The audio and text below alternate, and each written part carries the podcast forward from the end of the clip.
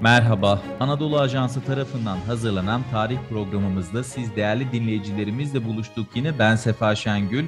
Bu programda biliyorsunuz tarihi farklı başlıklar ve temalar altında ele alıyoruz.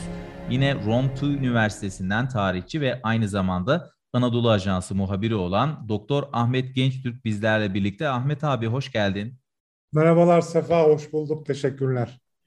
Şimdi bugünkü konumuzla ilgili şöyle bir toparlama yaparsam Osmanlı'nın son dönemlerinde başlayan modernleşme ve cumhuriyete geçişte devranıl, devralınan e, toplumsal süreklilik ilişkisini, bu sürecin üzerine oturduğu eksenleri geç Osmanlı'dan erken dönem cumhuriyete kadar Türk toplumunda toplumsal hareketleri ve ideolojilerinin kökenini Giresun Üniversitesi öğretim görevlisi Doktor Selçuk Aydın hocamızla konuşacağız. Ee, kendisi de bugün bizlerle birlikte. Hocam sizler de hoş geldiniz.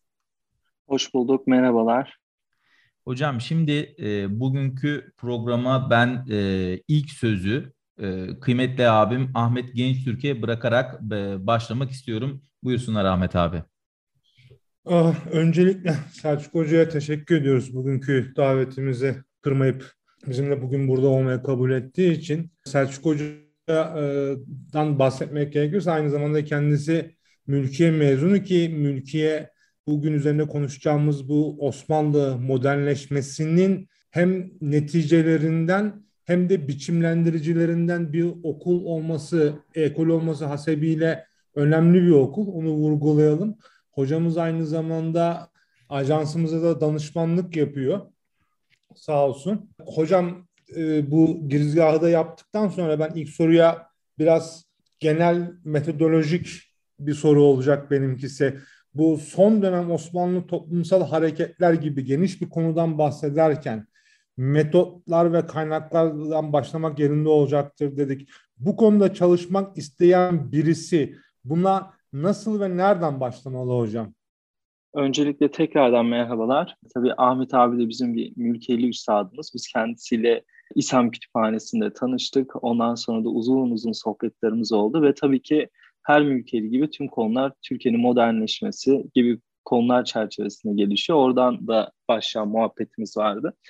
Bu konuya girerken tabii konu çok geniş bir konu. Türk modernleşmesi, Osmanlı modernleşmesi, bunun modern Türkiye'ye etkisi ve toplumsal hareketler gibi çok geniş bir konuya nasıl başlarız sorusu çok önemli.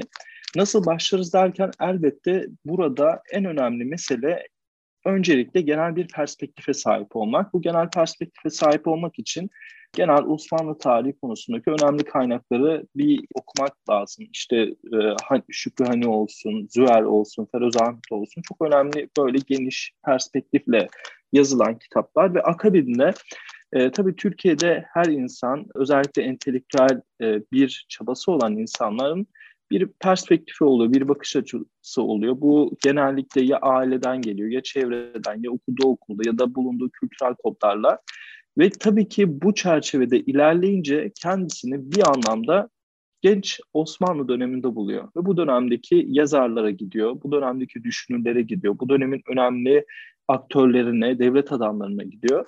Ve gittiği anda bence yapılması gereken öncelikle bir genel perspektife sahip olmak ve akabinde ilgisini çeken kişilerin eserlerine bakmak. Ben kendim bu alanda çalışmaya karar verince de beni en çok etkilen şey işte Türkiye'de İslamcılık okumalar o kadar fazla yapıyordum ki. Sonra bir gün bir büyüğüm Sayit Halim Paşa'nın Buhranlarımız kitabını hediye etmişti. İnanılmaz etkilendim. Yani o kadar çok etkilendim ki o modern Türkiye'de yazılan birçok kitap oradan ilham almış. Yani bunun orijinine gitmek çok etkileyici bir şeydi benim için. Ve akabinde tabii Mizancı Murat gibi isimler, daha sonra tabii modernleşme meselesinde Ahmet Rıza'yı okumak, Abdullah Cevdet'i okumak ya da o dönemde daha e, farklı perspektife sahip olan milliyetçilik kodları içerisinde düşünürsek Yusuf Akçura'yı okumak çok bence isabetli olur. E tabii ki akademik bir çalışma yaparken neler yapmak lazım? İşte arşivlere gitmek lazım. Yine o dönem için önemli kaynaklar İngiliz, Fransız kaynaklar, kimi yerlerde Amerikan misyonerlerinin, yine diğer ülkelerdeki misyonerlerin, gezginler, çok fazla gezgin var. İşte İngiltere'den çıkıp, Fransa'dan çıkıp bütün coğrafyayı gezmiş ve gözlemlerini paylaşmış isimler. Hatta sizin e, birkaç hafta önce Fatih Daha Aydın hocamızla yaptığınız programda Dudley North üzerinden e, gelişmişti. Böyle isimler de aslında dönemi okumak, anlamlandırmak ve dönemin önemli kaynaklarına gitmek için de çok isabetli olacağını düşünüyorum açıkçası. Teşekkür ediyorum hocam. Muhtemelen ben burada tabii bir ekleme yapmak gerekirse aslında karşılaştırmalı bir perspektif elde etmek adına Osmanlı ile aynı dönemde modernleşme yoluna giren yakın doğu toplumları yani bunun içerisinde Ermeniler olur, e, Yunanlılar olur. Yani hem Yunanistan Yunanlıları hem Osmanlı Rumları olur. Hem de özellikle Levant'ta yeni yeni filizlenmeye başlayan 19. yüzyılın ikinci yarısından itibaren bir Arap milliyetçiliği, Arap uyanışı evet. dedikleri o kavram e, var. Onların üzerine yazılmış, buna dahil olanlar veya bunu etkileyenler tarafından yazılmış eserleri okumak da muhtemelen karşılaştırmalı bir perspektif elde edilmek adına faydalı olacaktır diye düşünüyorum. Kesinlikle. Ahmet Hocam mesela ben Hamit İnayet'in Arap düşüncesinin seyri, İslam düşüncesinin seyri iki kitabı var. Onları okurken şok olmuştum. Çünkü İslam düşüncesinin işte modern anlamdaki seyrinin kökenine gittiğimizde temel adres İstanbul oluyor. Herkese Arap düşüncesinin seyri için de böyle. O kadar haklısınız ki. Yani Arap düşüncesinin seyrini takip ederken Satı el Husri'ye gitmeniz lazım. Osmanlı son dönem efendime söyleyeyim İslam düşüncesinde Cemalettin Afgani dahi hani o bölgeden çıkıp İstanbul'da Muhammed Abdullah. O yüzden de e, o kadar haklısınız ki o karşılaştırmayı görmek lazım. Hele ki gayrimüslimler konusunda da yani bugün yine Balkanlar işte Osmanlı sonrası coğrafyada oluşan gayrimüslimlerin kendi kurdukları devletlere baktığımızda yine aslında orijine gitmek için bu döneme gitmek lazım. O dönemki eserlere bakmak lazım. Karşılaştırmaya bak yapmak lazım. Ve tabii ki ilk böyle orijin neden orijini sadece Osmanlı olması hasebiyle değil aynı zamanda modernitenin, modern düşüncenin ilk filizlendiği dönemler bütün milletler için. Çok haklısınız. O karşılaştırma üzerine de yazılan eserler ne yazık ki e, o kadar fazla yok. Bu anlamda da e, önemli bir noktaya değindiğinizi düşünüyorum. Teşekkür ederim hocam. Hocam şimdi kabaca Osmanlı e, modernleşmesinin 18. yüzyılın sonlarından itibaren belki illa spesifik bir dönem ve isim vermek gerekirse Padişah 3. Selim zamanında evet. e, başladığını söylemek mümkün. Tabi ilk ortaya çıkış sahiki bu dönemde devleti reformlar yoluyla yani batılı kurumları bazen taklit ederek bazen onları Osmanlı'daki e, muadil kurumlarla sentezleyerek Osmanlı idaresini, askerisini, ekonomisini reform edip devletin ayakta kalmasını sağlamak olarak görüyoruz. Bir tarihsel gereklilik diyebileceğimiz şekilde ilk modernleşmenin Osmanlı'da. Daha sonra bu materyal modernleşme, materyal reforme etme ihtiyacı nasıl şeye evriliyor? Fikri modernleşme akımlarına, fikri batılılaşma akımlarına evriliyor. Onun bir özetini almak mümkün mü hocam 3. Selim'den itibaren? Tabii ki bu o kadar hani çok merkezi bir soru. Bizim düşüncemizde hemen şöyle bir şey diyoruz. Tabii ki modernleşme hikayesi başladı. Üçüncü Selim'le başlatıyoruz. Batılılaşma hikayesi. Aslında öyle değil. Yani Osmanlı'nın kendini yenileme çabaları 17. yüzyıla kadar götürebiliriz. Koçu Bey Risalesi'nden ondan sonra 18. yüzyılda Naima'dan, Sarı Mehmet Paşa'dan, Canikli Ali Paşa ve bu risaleler o kadar önemli ki hepsi de aslında klasik döneme referansla İslam'ın yenilenmesi, şey Osmanlı yenilenmesi bir anlamda da aslında yanlışlıkla söylememe rağmen aslında İslam'ın yolunda tekrardan yenilenme çabası olarak adlandırılabilir. Üçüncü Selim'le başlatılan hikaye doğrudan modernleşme hikayesi de diyemeyiz. Ee, sadece farkına varıp Batı'nın ilerlemesinin biz ne yapmalıyız sorusu. Biz ne yapmalıyız sorusunun cevabı herkesin aklına 3. Selim, 2. Mahmut, Tanzimat dönemi ve Tanzimat'la modernleşme diye söyleniyor. Ama Tanzimat'a baktığımızda Halil İnalcığa onu kodladığı yere e, nasıl kodluyor diye düşündüğümüz aslında İslam'a büyük bir referans var Tanzimat'ta. Yine aslında klasik dönemi bir şekilde yenileme ama eski kurumların da işlevselliğini yitirdiğini de kabullenildiği bir dönem. Nedir bu? Üçüncü Selim'in yaptığı işte Yeniçerileri kaldırma çabası. İkinci Mahmut'un bunu doğrudan yapması aslında. Ee, ya da senedi ittifaklarla, senedi ittifakla ayanlarla anlaşma.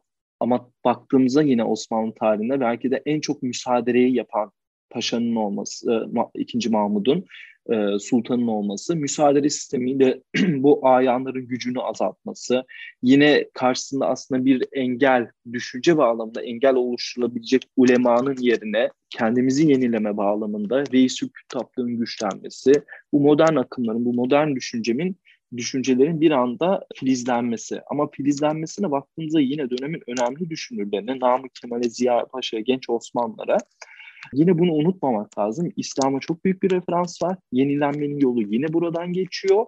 Ama eski sistemin de devam ettirilemediğinin de kabulü bir dönem rahatlıkla diyebiliriz. Bunun sebebi nedir dediğimizde tabii ki iç meseleler buradaki en önemli faktör denilirken dış faktörlerin de aynı zamanda çok etkili olduğu kabul ediliyor. Nedir işte kolonyalizm, Batı'nın teknik anlamda ilerlemesi gibi meselelerde aslında en önemli başlıklardan biri. Hocam şimdi siz de aslında şeylerden bahsettiniz, isimlerden bahsettiniz. Tam da benim hazırlamış olduğum soruya geldi e, olay biraz daha. Biraz daha 19. yüzyılın sonlarına doğru Osmanlı son dönem toplumsal hareketleri ilk başta da belirtmiştik. Ee, siz de şöyle bir, bir pas atmış oldunuz genç Osmanlılardan bahsettiniz. Yine bazı isimlerden işte Jön Türkler ve İttihat Terakki. Bunlar aslında bizim toplumsal hareketler dediğimizde minimal anlamda ilk akla gelenler arasında yer alıyor. Şimdi konuya evet. bu çerçevede başlarsak özellikle Osmanlı'nın yenilenmesi e, ve devletle bu hareketlerin devletle ve toplumla ilişkisini nasıl değerlendirmeliyiz? Ee, bir de biraz daha bu Ahmet abinin sorusu yani biz bunu Ahmet abiyle biraz konuşurken bu soruyu ekleyelim istedik. Şöyle dedik genel isimlerle adlandırılırsa bu hareketlerin tabiri caizse biraz iç kıvrımlarında ideolojik sınıflandırma yaparsak nasıl bir resim ortaya çıkar diye o dönem için. Yani Osmanlı son dönemi bundan sonra tabii Cumhuriyet ilk dönemine de gireceğiz ama özellikle ilk çıkış zamanını bir değerlendirirsek hocam nasıl bir toparlama yaparız? Neden mesela o dönemde gayrimüslimlerin hareketleri var? Efendime söylüyorum Kürt hareketleri var. İşte Arap, Arnavut, Türk o kadar çok hareket var ki toplumsal hareketler. Yine buradan çıkan ideolojik hareketler var. Ama neden biz hani e, sorunumuzla da çok alakalı doğrudan genç Osmanlılar, yeni e, Jön Türkler, İttihat ve Terakki diyoruz. Aslında bunun da sebebi şu, e, modern devletteki en önemli mesele şudur. Modern devletin artık aradaki kişileri yok edip yani Osmanlı'nın o primordial hani e, ilkel dönem sistemi diyebileceğimiz o premodern sistemin kalkması, devletin aracılardan kurtulup doğrudan bireyine, vatandaşına, e, vatandaşıyla iletişim kurmaya başladığı bir dönem diyebiliriz aslında Osmanlı son dönemine, modernleşme dönemine amaç olarak. Ve tam da bu amaçtan mütevellit genç Osmanlılar, Jön Türkler ve İttihat ve Terakki Cemiyeti en önemli hareket. Neden? Çünkü devlette etkin olma ve devlet üzerinden bir dönüşüm sağlama. Bu dönüşüm nedir? Doğrudan toplumu dönüştürme aslında amaç olarak. O yüzden de toplumsal hareketleri değerlendirirken bu hareketler kendinden mi mütevellit yoksa dışsal faktörlerin ki burada dışsal faktör derken de en önemli bileşen devlet yani modern devletin aslında prototipinin oluştuğu dönem Osmanlı son dönemi. Bu mu önemli dersek tabii ki devlet yani o prototipin oluştuğu bürokratların daha etkili olması, modern bürokrat kafasının zihninin ve modern bürokrat zihnini neyle ilişkilendirebiliriz diye sorarsak elbette genç Osmanlılar, işte Jön Türkler, İttihat ve Terakki Cemiyeti. Bu dönemin aktörlerine de baktığımızda aynı zamanda hem bir düşünür, aynı zamanda bir de bürokrat kimlikleri de var bu kişilerin. Bu devlet politikasında yönlendirme, devleti de reforme ederken aslında e, toplumu da reforme etme amaçlı çıkan hareketler diyebiliriz. O yüzden çok önemli. Ve Osmanlı döneminde, son döneminde çıkan kimlik temelli hareketler ya da ideoloji temelli hareketlerin hangisine bakarsak bakalım bir anlamda genç Osmanlılar içerisindeki birçok kişiyle ilişkilendirilebilir ya da Jön Türklerle ya da İttihat ve Terakki Cemiyeti'nin bu o kadar parçalı bir yapı ki çünkü devleti dönüştürme amacı çünkü inclusive hani İngilizce tanımı inclusive bir devlet yani e, içselleştirici diye çevirebiliriz. Kapsayıcı bir devlet Osmanlı Devleti. Tüm vatandaşlarını aslında kapsayan, merkezinde ona bir rol biçen ve devletin de dönüşmesine dönüşmesine rol alabilecek kişilerdi. Özellikle tabii burada kime referans vermek lazım? Milleti hakime geleneği olan Müslüm topluluklar. Yani burada Türk olması, Arap, Arnavut, Kürt hiçbir fark etmeksizin Müslüman toplulukların Osmanlı içerisinde en temel etken ve bileşen olmasından kaynaklı. Ve tam da bu noktadan baktığımızda aslında milleti hakime geleneğinin devam ettiğini de aslında bir anlamda düşünürsek İttihat ve Terakki kurucularına İbrahim Temo mesela, Arnavut, Abdullah Cevdet Kürt, Mehmet Reşit mesela Çerkez. Ama İttihat ve Terakki geleneğini konuştuğumuzda herkesin aklına direkt milletçilik çerçevesinde, Türk milletçilik çerçevesinde konuşuyor. Halbuki öyle değil.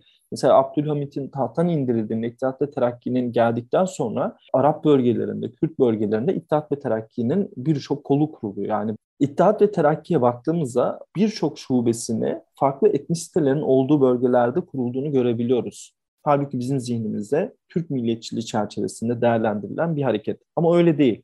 Tam da işte sorunuzla alakalı olarak belki de Osmanlı son dönemi tüm ideolojilerin ve kimlik temelli hareketlerin aktörlerinin yetiştiği, var olduğu bir hareket.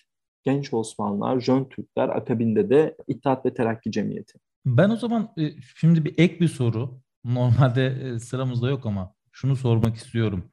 Yani dış etkenler çok hazır olduğu için bu dönüşüm daha hızlı oldu diyebilir miyiz? Yani dış etkenler dediğim 19. yüzyıl tamamen zaten hani e, bir taraftan e, Avrupa'da yukarıda işte sanayi devrimini takip eden çok ciddi bir dönüşüm, işte ulus devletler, şunlar bunlar derken bir zihniyet dönüşümü zaten yukarıdan aşağı geliyor, baskılıyor. Evet. Ve aşağıdan da yukarı aslında e, o dönemde Arap toplumları da sizin söylediğiniz gibi orada sağdan sola Ermenistan tarafından da bir şey var.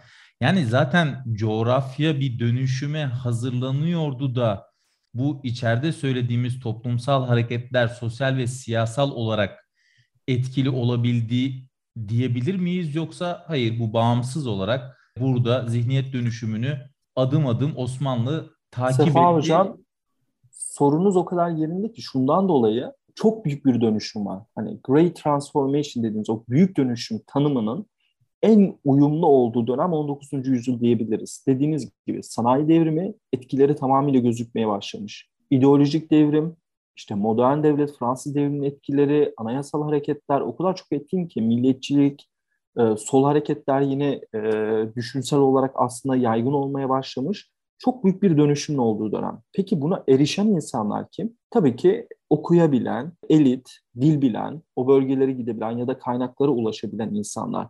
Ama şu çok önemli bir mesele. Dönem zaten soruların sorulduğu bir dönem.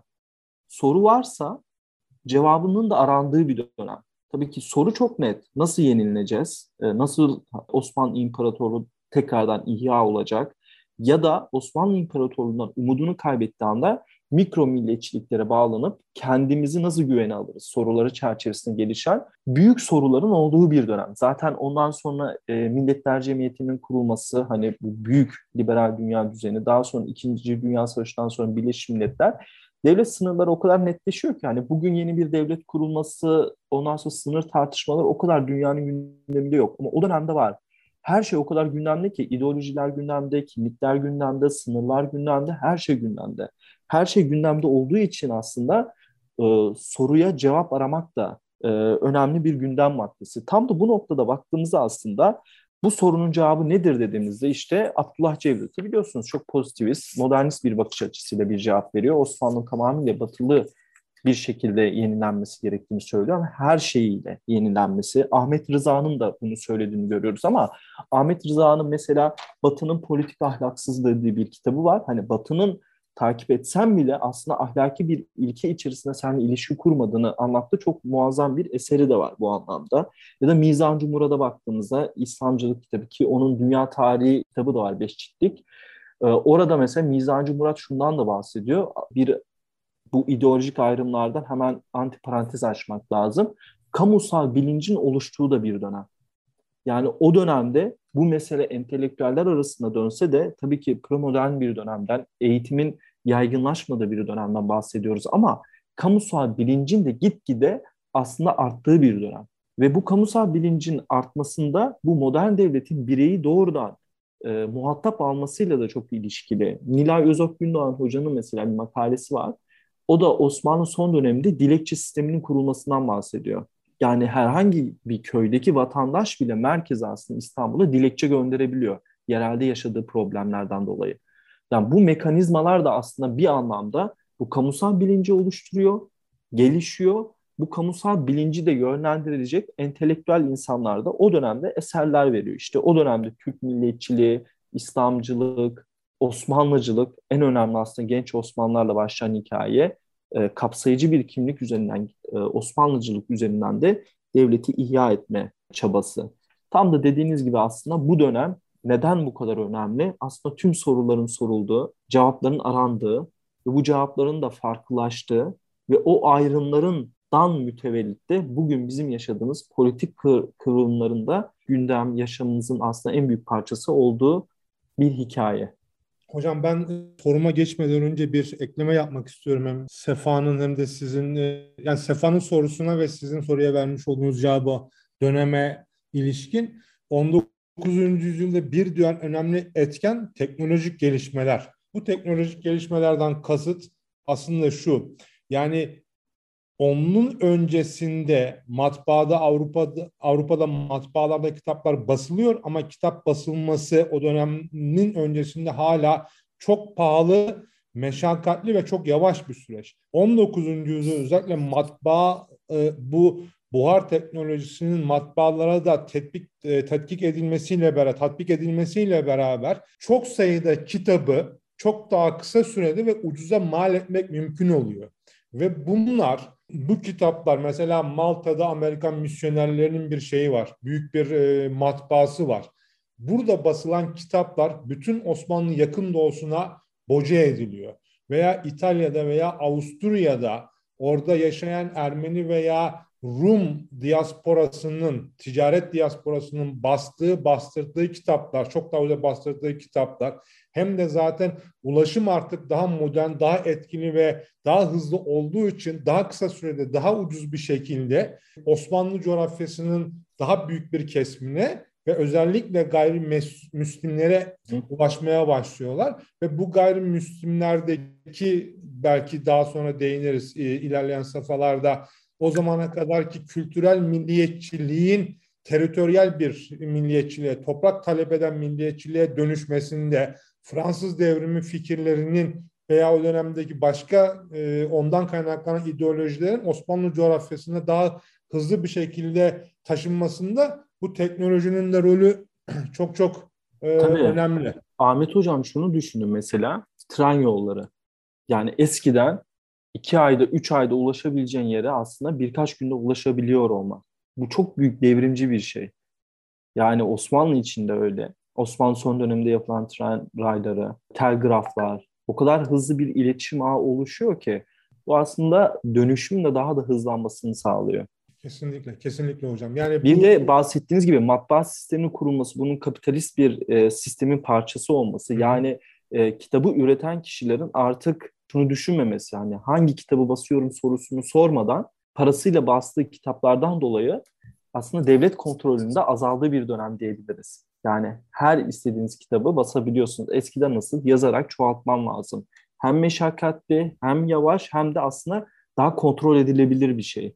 Bunu yapan çok az merkez var ve devlet kontrolünde olabiliyor. Ama e, matbaa sisteminde çok hızlı bir şekilde yurt dışından hemen Türkiye gelip e, Osmanlı gelip paylaşılabiliyor, basılabiliyor, gönderilebiliyor. Ki dönemin aslında diğer e, dediğiniz gibi dergilerine baktığımızda bu Jön Türkleri için de geçerli. E, Osmanlı İmparatorluğu'nda basamadıklarında Paris'te basıyorlar, Londra'da basıyorlar ve o akışkanlık sağlanmış oluyor. Tabii kesinlikle. Hocam şimdi öyleyse buradan şöyle devam edelim mi? Bu şeyden bahsettik. Yani Fransız devrimi önemli. Fransız devrimi fikirleri mesela bu Avrupa'daki özellikle gayrimüslim Ermeni ve Rum ticaret diasporaları Marsilya'daki, Viyana'daki, Paris'teki, Londra'daki e, gayrimüslim ticaret diasporalar, diasporalarının da çok büyük katkılarıyla onlara 19. yüzyılın başından itibaren İngiliz ve Amerikan misyoner toplulukları da şey yapılacak, eklenecek. Bunların da katkılarıyla batılı fikirler 19. yüzyılın başından itibaren çok hızlı bir şekilde Osmanlı ve Osmanlı'nın yakın coğrafyasına teneffüs etmeye başlıyor. Bu önce işte Yunan aydınlanması belki kültürel bir milliyetçilik orta, olarak ortaya çıkıyor ilk döneminde. Örnek üzerinden gitmek gerekirse. Daha sonra bu topraksal talepleri olan bir milliyetçiliğe evriliyor. Bu bağlamda bu dönemi yani o zamana kadar kültürel milliyetçiliği e, yeterli gören Osmanlı içerisinde özel bir şekilde de olsa yaşamaya devam etmek isteyen gayrimüslim toplulukların bağımsızlık isteklerinin arkasını, geri planını bahsedersek çünkü ben bunun şeyle de alakalı olduğunu düşünüyorum. Daha sonraki Müslüman toplulukların sosyal hareketleri, ideolojileri veya ortaya çıkmaya başlayan geç onlardan sonra da olsa bağımsızlık taleplerinin de onlarla alakalı olduğunu düşünüyorum. Bir şeyden başlayabilirsek hocam o dönemde nasıl oldu bu Avrupa'daki fikir hareketleri, ideolojiler, sosyal hareketler gayri Osmanlı gayrimüslim dünyasını nasıl etkiledi? Hocam şimdi Büyük Fransız devriminin temel hikayesine baktığımızda aslında her bireyin eşit olarak devletin vatandaşı olduğu ve devlette de aslında söz sahibi olduğu bir cumhuri rejime doğru gittiğini görüyoruz. Bu talep Osmanlı İmparatorluğu'nu düşündüğümüz aslında tam da o bahsettiğimiz promodern sistemler modern sisteme geçerken ki en temel soruyu oluşturuyor. Yani eskiden milleti hakime, milleti mahkume kavramlarının az oturmuş, buna da kültürel bir karşılık geldiğini görürken aslında bir bir toplumsal sözleşme var premodern sistemde. Nedir işte gayrimüslim askeri gitmiyor, ona göre vergisini veriyor, devletteki söz hakkını biliyor ya da kendi mahalle sisteminde o gayrimüslimlerin e, millet sisteminde kendi hukuku içerisinde, kendi kültürel kodları içerisinde yaşayabildiği ve buna saygı duyulan bir devlet sisteminden yani premodern kapsayıcı bir devlet sisteminden toplumsal bir sözleşme varken tam da Fransız devrimi getirdiği düşüncelerle bu toplumsal sözleşmenin artık devam ettirilemeyeceği görülüyor zaten. Tam da bu devam ettirilemeyeceği sorusu gayrimüslimlerin milliyetçi akımlarının artmasına sebep oluyor ve Osmanlı aslında buna cevap aradığını görüyoruz. Yani 2. Mahmud'un e, ben işte Müslümanı camide, Hristiyanı kilisede, Yahudi'yi sinagogda görürüm gibi hani bir ifadesi var ya vatandaşın aslında hiçbir ayrım yapmadan hepsini eşit bir davranışın oluştuğu ve Tanzimat Fermanı'nda vardır, ıslahat Fermanı'nda vardır bu. Tüm bu akışkanlık aslında buna bir cevap arama süreci. E peki bu hikaye nasıl oldu da tersine döndü diye düşünürsek yani o premodern sistemin oluşturulan toplumsal sözleşmenin artık devam ettirilemeyeceği nasıl oldu sorusu tam da işte bu ideolojilerin yayılması ama bununla beraber bir önceki konumuzla tartıştığımız konuyla çok yakından alakalı. İşte teknolojinin gelişmesi, Batı kapitalizminin yayılması, işte kolonyalizm düşüncesinin yayılması, Batı'nın kendisiyle kültürel kodlara daha yakın olan gayrimüslimlerle kurdukları ilişkiler, misyoner okulları, onların Levantenlerin daha da güçlenmesi ekonomik olarak Osmanlı İmparatorluğu'nda ki biliyoruz bunu modern işte erken cumhuriyet döneminde gayrimüslimler neden daha zengin sorusunun işte Şükrü Saraçoğlu'nun meclisteki konuşması, ondan sonra geldiğimiz süreçte hep bir tartışma konusu. Bunun da aslında en büyük sebeplerinden biri bir dediğimiz gibi 19. yüzyıl büyük bir dönüşümün olduğu bir dönem ve bu dönüşümün de e, sancılarından biri bu. Peki Müslüman topluluklarda da bu kimlik temelli ayrışmalar aynı dönemde mi başladı? Tabii ki başlamadı. Müslüman toplumlardaki bu ayrışma yani o kadar çok geç dönemde başladı ki Birinci Dünya Savaşı'ndan çok çok kısa süre önce Birinci Dünya Savaşı'nda çok büyük böyle yıkıcı bir dönüşüm ve ondan sonra başlayan bir süreç aslında bu milliyetçilik düşüncesinin. Çünkü hani ümmet fikrinin, ümmet düşüncesinin yaygın olduğunu rahatlıkla söyleyebiliriz o döneme kadar Osmanlı'nın altında. Belki Sefa muhtemelen bir soru sormak isteyecek ama ondan önce ben şöyle bir ekleme yapmak istiyorum. Müsaadenizle. Yani bunun ben çünkü eklenmesinin ve üstüne basılmasının önemli olduğunu düşünüyorum. Önemli olan şu. 19. yüzyılın sonlarına kadar Türklerde veya diğer Müslüman topluluklarda belli bir milliyetçilik duygusu yok. Yani kültürel milliyetçilik diyebileceğimiz şey zaten veya proto milliyetçilik diyebileceğimiz şey her toplumda olduğu gibi onlarda da var. Ama Türkler de dahil olmak üzere bunları milliyetçi olmaya iten ki imparatorlukta en son milliyetçileşen muhtemelen Türklerdir. Balkan Savaşı çok büyük bir etkide bulundu. Kesinlikle. Önemli olan şu çünkü İttihat Terakki bile Balkan Savaşı öncesinde sizin de çok iyi bahsetmiş olduğunuz gibi ve hala Osmanlıcılığı savunan, ortak bir Osmanlı kültürü ve vatandaşlık altında imparatorluğun çok kültürlülüğünü savunan bir yapı.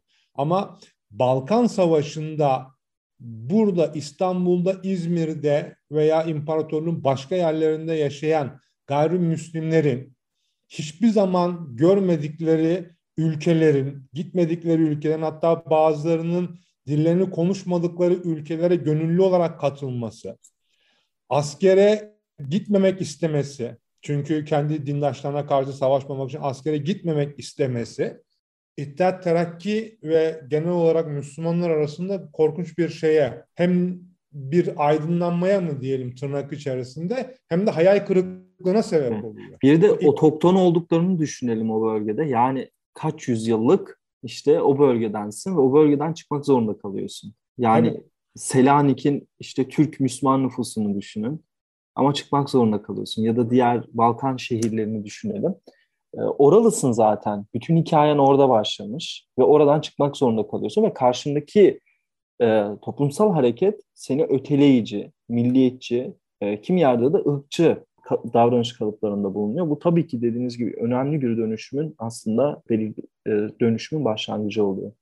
Tabii kesinlikle. Yani o yüzden İttihat Terakki'ye çok basite indirgenerek işte e, milliyetçi, ırkçı, faşist gibi ithamlarda bulunuyor.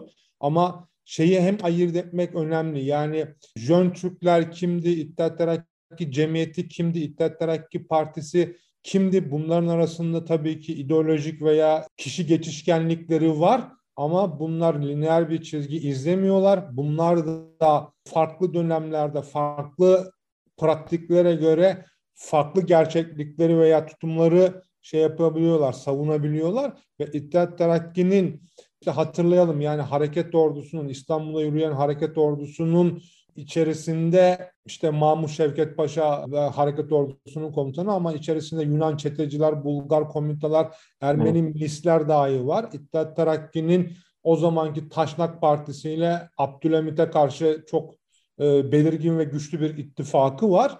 Ama Balkan Savaşı o İttihat Terakki'yi bir rüyadan, Osmanlıcılık rüyasından uyandırıyor ve e, artık tek gerçekliğin hatta Hasan Kayalı'nın da kitabının üzerinden gidersek şu önemli. İttihat Terakki önce Türkçülük de yapmıyor.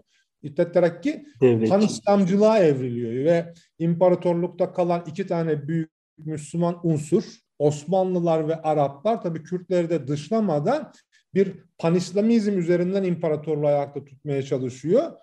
Ki imparatorluğun içerisinde artık e, Balkan Savaşı'ndan sonra imparatorluğun nüfus olarak da homojenleştiğini düşünürsek bu o sahadaki praktiğe de gayet iyi hitap eden bir şey. Politika tabii ne derece başarılı oldu olamadı, neden başarılı olamadı belki bu başka bir tartışmanın konusu. Ama bunu bilmekte fayda var. Tabii hatta e, şuna özellikle değinmek lazım yani bu Türk milliyetçiliği midir? Tabii ki hani o Narodnik milliyetçilik dediği e, Zafer Toprak Hoca'nın da bir makalesi var ya bu Rus bölgelerinden özellikle gelen Yusuf Akçura, Bahattin Şakir gibi önemli isimlerin oluşturdukları milliyetçi, o popülist milliyetçi düşüncenin Rusya'dan Türkiye'ye, Osmanlı'ya geçmesi. Bu kesinlikle bu line var, bu akım var. Ama bununla beraber İttihat ve Terakki'nin özüne bakarsak ki ben hani şunda antiparantez içerisinde değinim. Kürtali Cemiyet'in kurulduğu dönemde tüm topla, toplantını aslında Türk ocaklarında yapıyor. Çok ilginç bir şey. Hani milliyetçilikler birbiriyle savaşmıyor. Hani ırkına ya da milletine olan hamiyetin seni diğer Müslüman milletin kurduğu kuruluşlarla bir çatışma ortamı da yok. Birbiriyle gayet anlaşmalı aslında bir ortam var. Ama aslında bakarsak o Balkan Harbi'nden sonra İttihat ve Terakki'nin dönüşümü bir anlamda devleti koruma dönüşümü. En temel amaç. Bunun korumanın da mekanizması nasıl olduğunu söylersek Hasan Kayalı referansı da önemli aslında. Pan-İslamizm düşüncesi de önemli bir yer tutarken tabii Türk milliyetçiliği de önemli bir yer tutuyor ama en temelde devlet düşüncesi, devleti ayakta tutma. Birinci Dünya Savaşı'ndaki propagandaya baktığımızda İslam aslında en önemli propaganda faaliyeti. Ve ben kendim İngiliz arşivlerinde çok çalıştım. Tezimden de dolayı. Orada da hani doktoramı da İngiltere'de yaptım. Şunu rahatlıkla söyleyebiliriz. Birinci Dünya Savaşı ve akabinde Kurtuluş Savaşı mücadelesi dönemde o kadar büyük bir korku var ki Kurtuluş Savaşı mücadelesini veren Anadolu toprağındaki hareketlerin tüm İslam dünyasında büyük bir uyanışa sebep olup olmayacağı sorusu. Bu aslında hani çok boş bir soru değil. O kadar dolu bir soru ki. Çünkü Enver Paşa zaten hani Asya'da Talat Paşa ya da İttihatçılardan kalan birçok isim aslında İslam dünyasına yayılıyor. O düşünceyi devam ettiriyorlar. Londra'da mesela bütün camilerde broşürler dağıtılıyor. Oradaki çünkü hani koloni gücü zaten Müslüman bir nüfusu var, işçi olarak gelmişler ve her taraftan aslında bir karşı geliş var.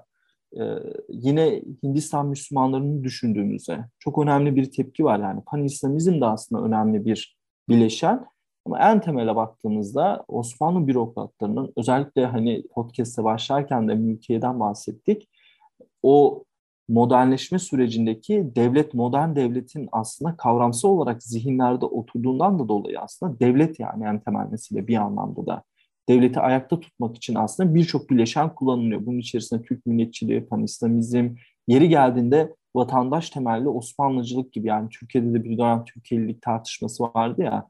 Yani eselebet olan Türkiye'de aslında devletçilik yani e, birçok ideoloji günün sonunda buluştuğu, birçok farklılıklarını kırparak buluştuğu nokta diyebiliriz yani.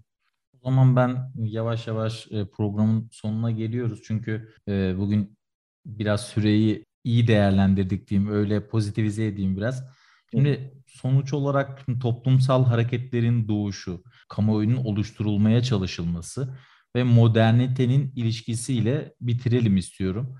Şimdi Osmanlı'nın son dönemi bize, daha doğrusu Türkiye'ye, ilk dönem Cumhuriyete nasıl bir siyasal ve sosyal e, bir bakiye bıraktığını, bu bakiyenin modern Türkiye'yi nasıl etkilediğini, yani kimileri şimdi e, az önce çok konuştuk, İttihat ve Terakki üzerinden konuştuk. Kimileri Jacoben bir yaklaşım olarak değerlendiriyor o dönemin geçiş sürecini, mirasını, oradaki bakiyeyi.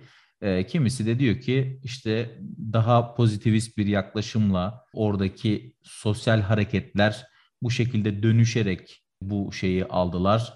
İşte hatta modernitenin işte postmodern dönemin ilk başı orada böyle bir dönüşüm sadece siyasal ve sosyal dönüşümle değil işte bu da e, konuştuğumuz dönemle beraber geldi. Bu mirası nasıl değerlendirmemiz lazım? Öncelikle e, akademide de son dönemlerde hani post Ottoman states diye bir kavram, hani Osmanlı sonrası devletler kavramı çok işlenmeye başladı. Bunu e, işte Kemal Karpat Hoca zaten e, birçok eserinde bu konuya değiniyordu. Frederick Anscombe'nin State, Faith, Nation in the Ottoman and Post-Ottoman Lands diye bir kitabı yayınlandı. İşte devlet, inanç ve ulus, Osmanlı ve Osmanlı sonrası devletlerde bu e, geçişkenliği, bu dönüşümü e, ve Osmanlı'dan kalan mirası sadece bu bahsettiğimiz Müslüman değil, hani gayrimüslim ülkelerde de bakiyeyi tartışıyor. Bu bakiye o kadar önemli ki aslında büyük bir dönüşümü sağlayan bakiye. Benim en önemli gördüğüm nokta şu, Osmanlı son dönemini sadece ve sadece kimlik temelli bir dönüşüm hikayesi gibi okumamak lazım. İşte Michael Reynolds'ın kitabında değindiği Osmanlı'nın hikayesinin belki de hani çok az bir kısmı diyebileceğimiz tamamıyla bu kimlik temelli tartışmalar oluştururken bugününün bakış açısıyla, retrospektif bir bakış açısıyla şöyle bir Osmanlı çalışmaları akımı oluyor. İşte Osmanlı'da Kürt hareketleri zaten ayrılıkçıydı, şöyleydi, böyle falan. İşte Arap hareketleri, ya böyle bir şey değil. Bugünün bakış açısıyla o döneme gitmek oluyor. Halbuki Osmanlı'nın bize bıraktığı mirasta sadece kimlik temelli hareketler değil, işte modernist hareketler, işte pozitivist hareketler, işte Kemalizmin kökenlerini bulabileceğimiz düşünceler, bununla beraber teknolojik dönüşüm, o dönemin bakiyesi olan kurumlar, işte e, okullar, sadece okullar değil, işte teknik anlamdaki, bürokratik anlamdaki gelişmeler, bütün bunlar aslında Osmanlı'nın bakiyesi. Öyle düşünmek lazım. Sadece kimlik temelli bir hikayenin e, orijinini aramak yerine birçok farklı bakış açısında beraber düşünmek lazım diye noktalamak istiyorum. Hocam ben de çok kısa haddim olmayarak siz buradayken hem Ahmet abi hem siz şöyle bir şey söyleyebilirim. Genelde baktığımız zaman Türkiye'de işte 100 yılı aşkın kurum çok sayabiliyoruz yani hani yine sayıları Kesinlikle. böyle çok olmasa da yine çok sayabiliyoruz ve bu dönüşümler de genelde hep Osmanlı'nın son dönemine denk geliyor. Ee, işte itfaiyeden kurun, Türk Polis Teşkilatı'ndan kurun, şu andaki düzenli askeri şeyden kurun, posta postadan kurun. Vergi yani, sistemi. Yani aklınıza gelebilecek o kadar çok böyle evet. şey var Askeri ki. Askeri sistem. Evet üniversitelerimiz de teknik üniversiteler olsun şeyler olsun. Bunlar genelde hep o dönemin e, bir mirası olarak değerlendirmek lazım. Sizin de dediğiniz gibi olayı tamamen kimlik üzerinden okuyup e, çok da dar bir çerçevede görmemek lazım diye biz de programımızı sonlandıralım. Gerçekten çok keyifli bir sohbet oldu. E, inşallah bunun devamını başka bir pencereden daha spesifik bir pencereyi de açıp konuşuruz. Ben çok teşekkür ediyorum. Ahmet abi sizin söylemek istediğiniz bir şey var mı? Çok kısa alayım lütfen. Son olarak yani ikinizin e, söylediklerini şöyle özetlemek gerekirse benim kanaatim şu yönde. Osmanlı Türk modernlemesi dememizin bir sebebi var. E, bu sebep de bir geçişkenliğin ve devam ilişkisinin olması. Yani iki uçta da sanırım tarihselciliğin ve bunları destekleyenlerin iki ucunda da sanki Cumhuriyet modernleşmesi veya Cumhuriyet Osmanlı'dan hem sosyal hem siyasal olarak kopuk gibi lanse etmeye çalışan gören iki tane akım var. Ama önemli olan şunun farkına varmak ikisinin arasındaki devamlılığın geçişkenlik bile değil devamlılığın olduğunun farkında olmak ve Cumhuriyet'in de aslında Osmanlı'nın modernleşme çabalarının bir neticesi olduğunun farkında olmak. Yani modern Türkiye Cumhuriyeti'nin Osmanlı'nın modernleşme çabalarının neticelerinden biri olduğunun farkında olmak önemli diye düşünüyorum ben kendi hesabıma. Yani buna e, çok özür diliyorum. Şunu eklemek istiyorum. E, Ahmet abinin değindiği noktaya. Bu sadece Türkiye için geçerli değil. Evet. Irak için de geçerli. İşte Reyaban'ın e, bir kitabı vardı. O da şundan bahsediyor. Irak'ın dönüşümünde işte Osmanlı bürokratların rolü. Çünkü hepsi Osmanlı'da zaten İstanbul'da eğitim almış kişiler. Ya da Suriye'ye baktığımızda yani e, Fransız manda rejimi döneminde çok uzun süre başbakanlık yapan Atasi, soyadı da ismini unuttum.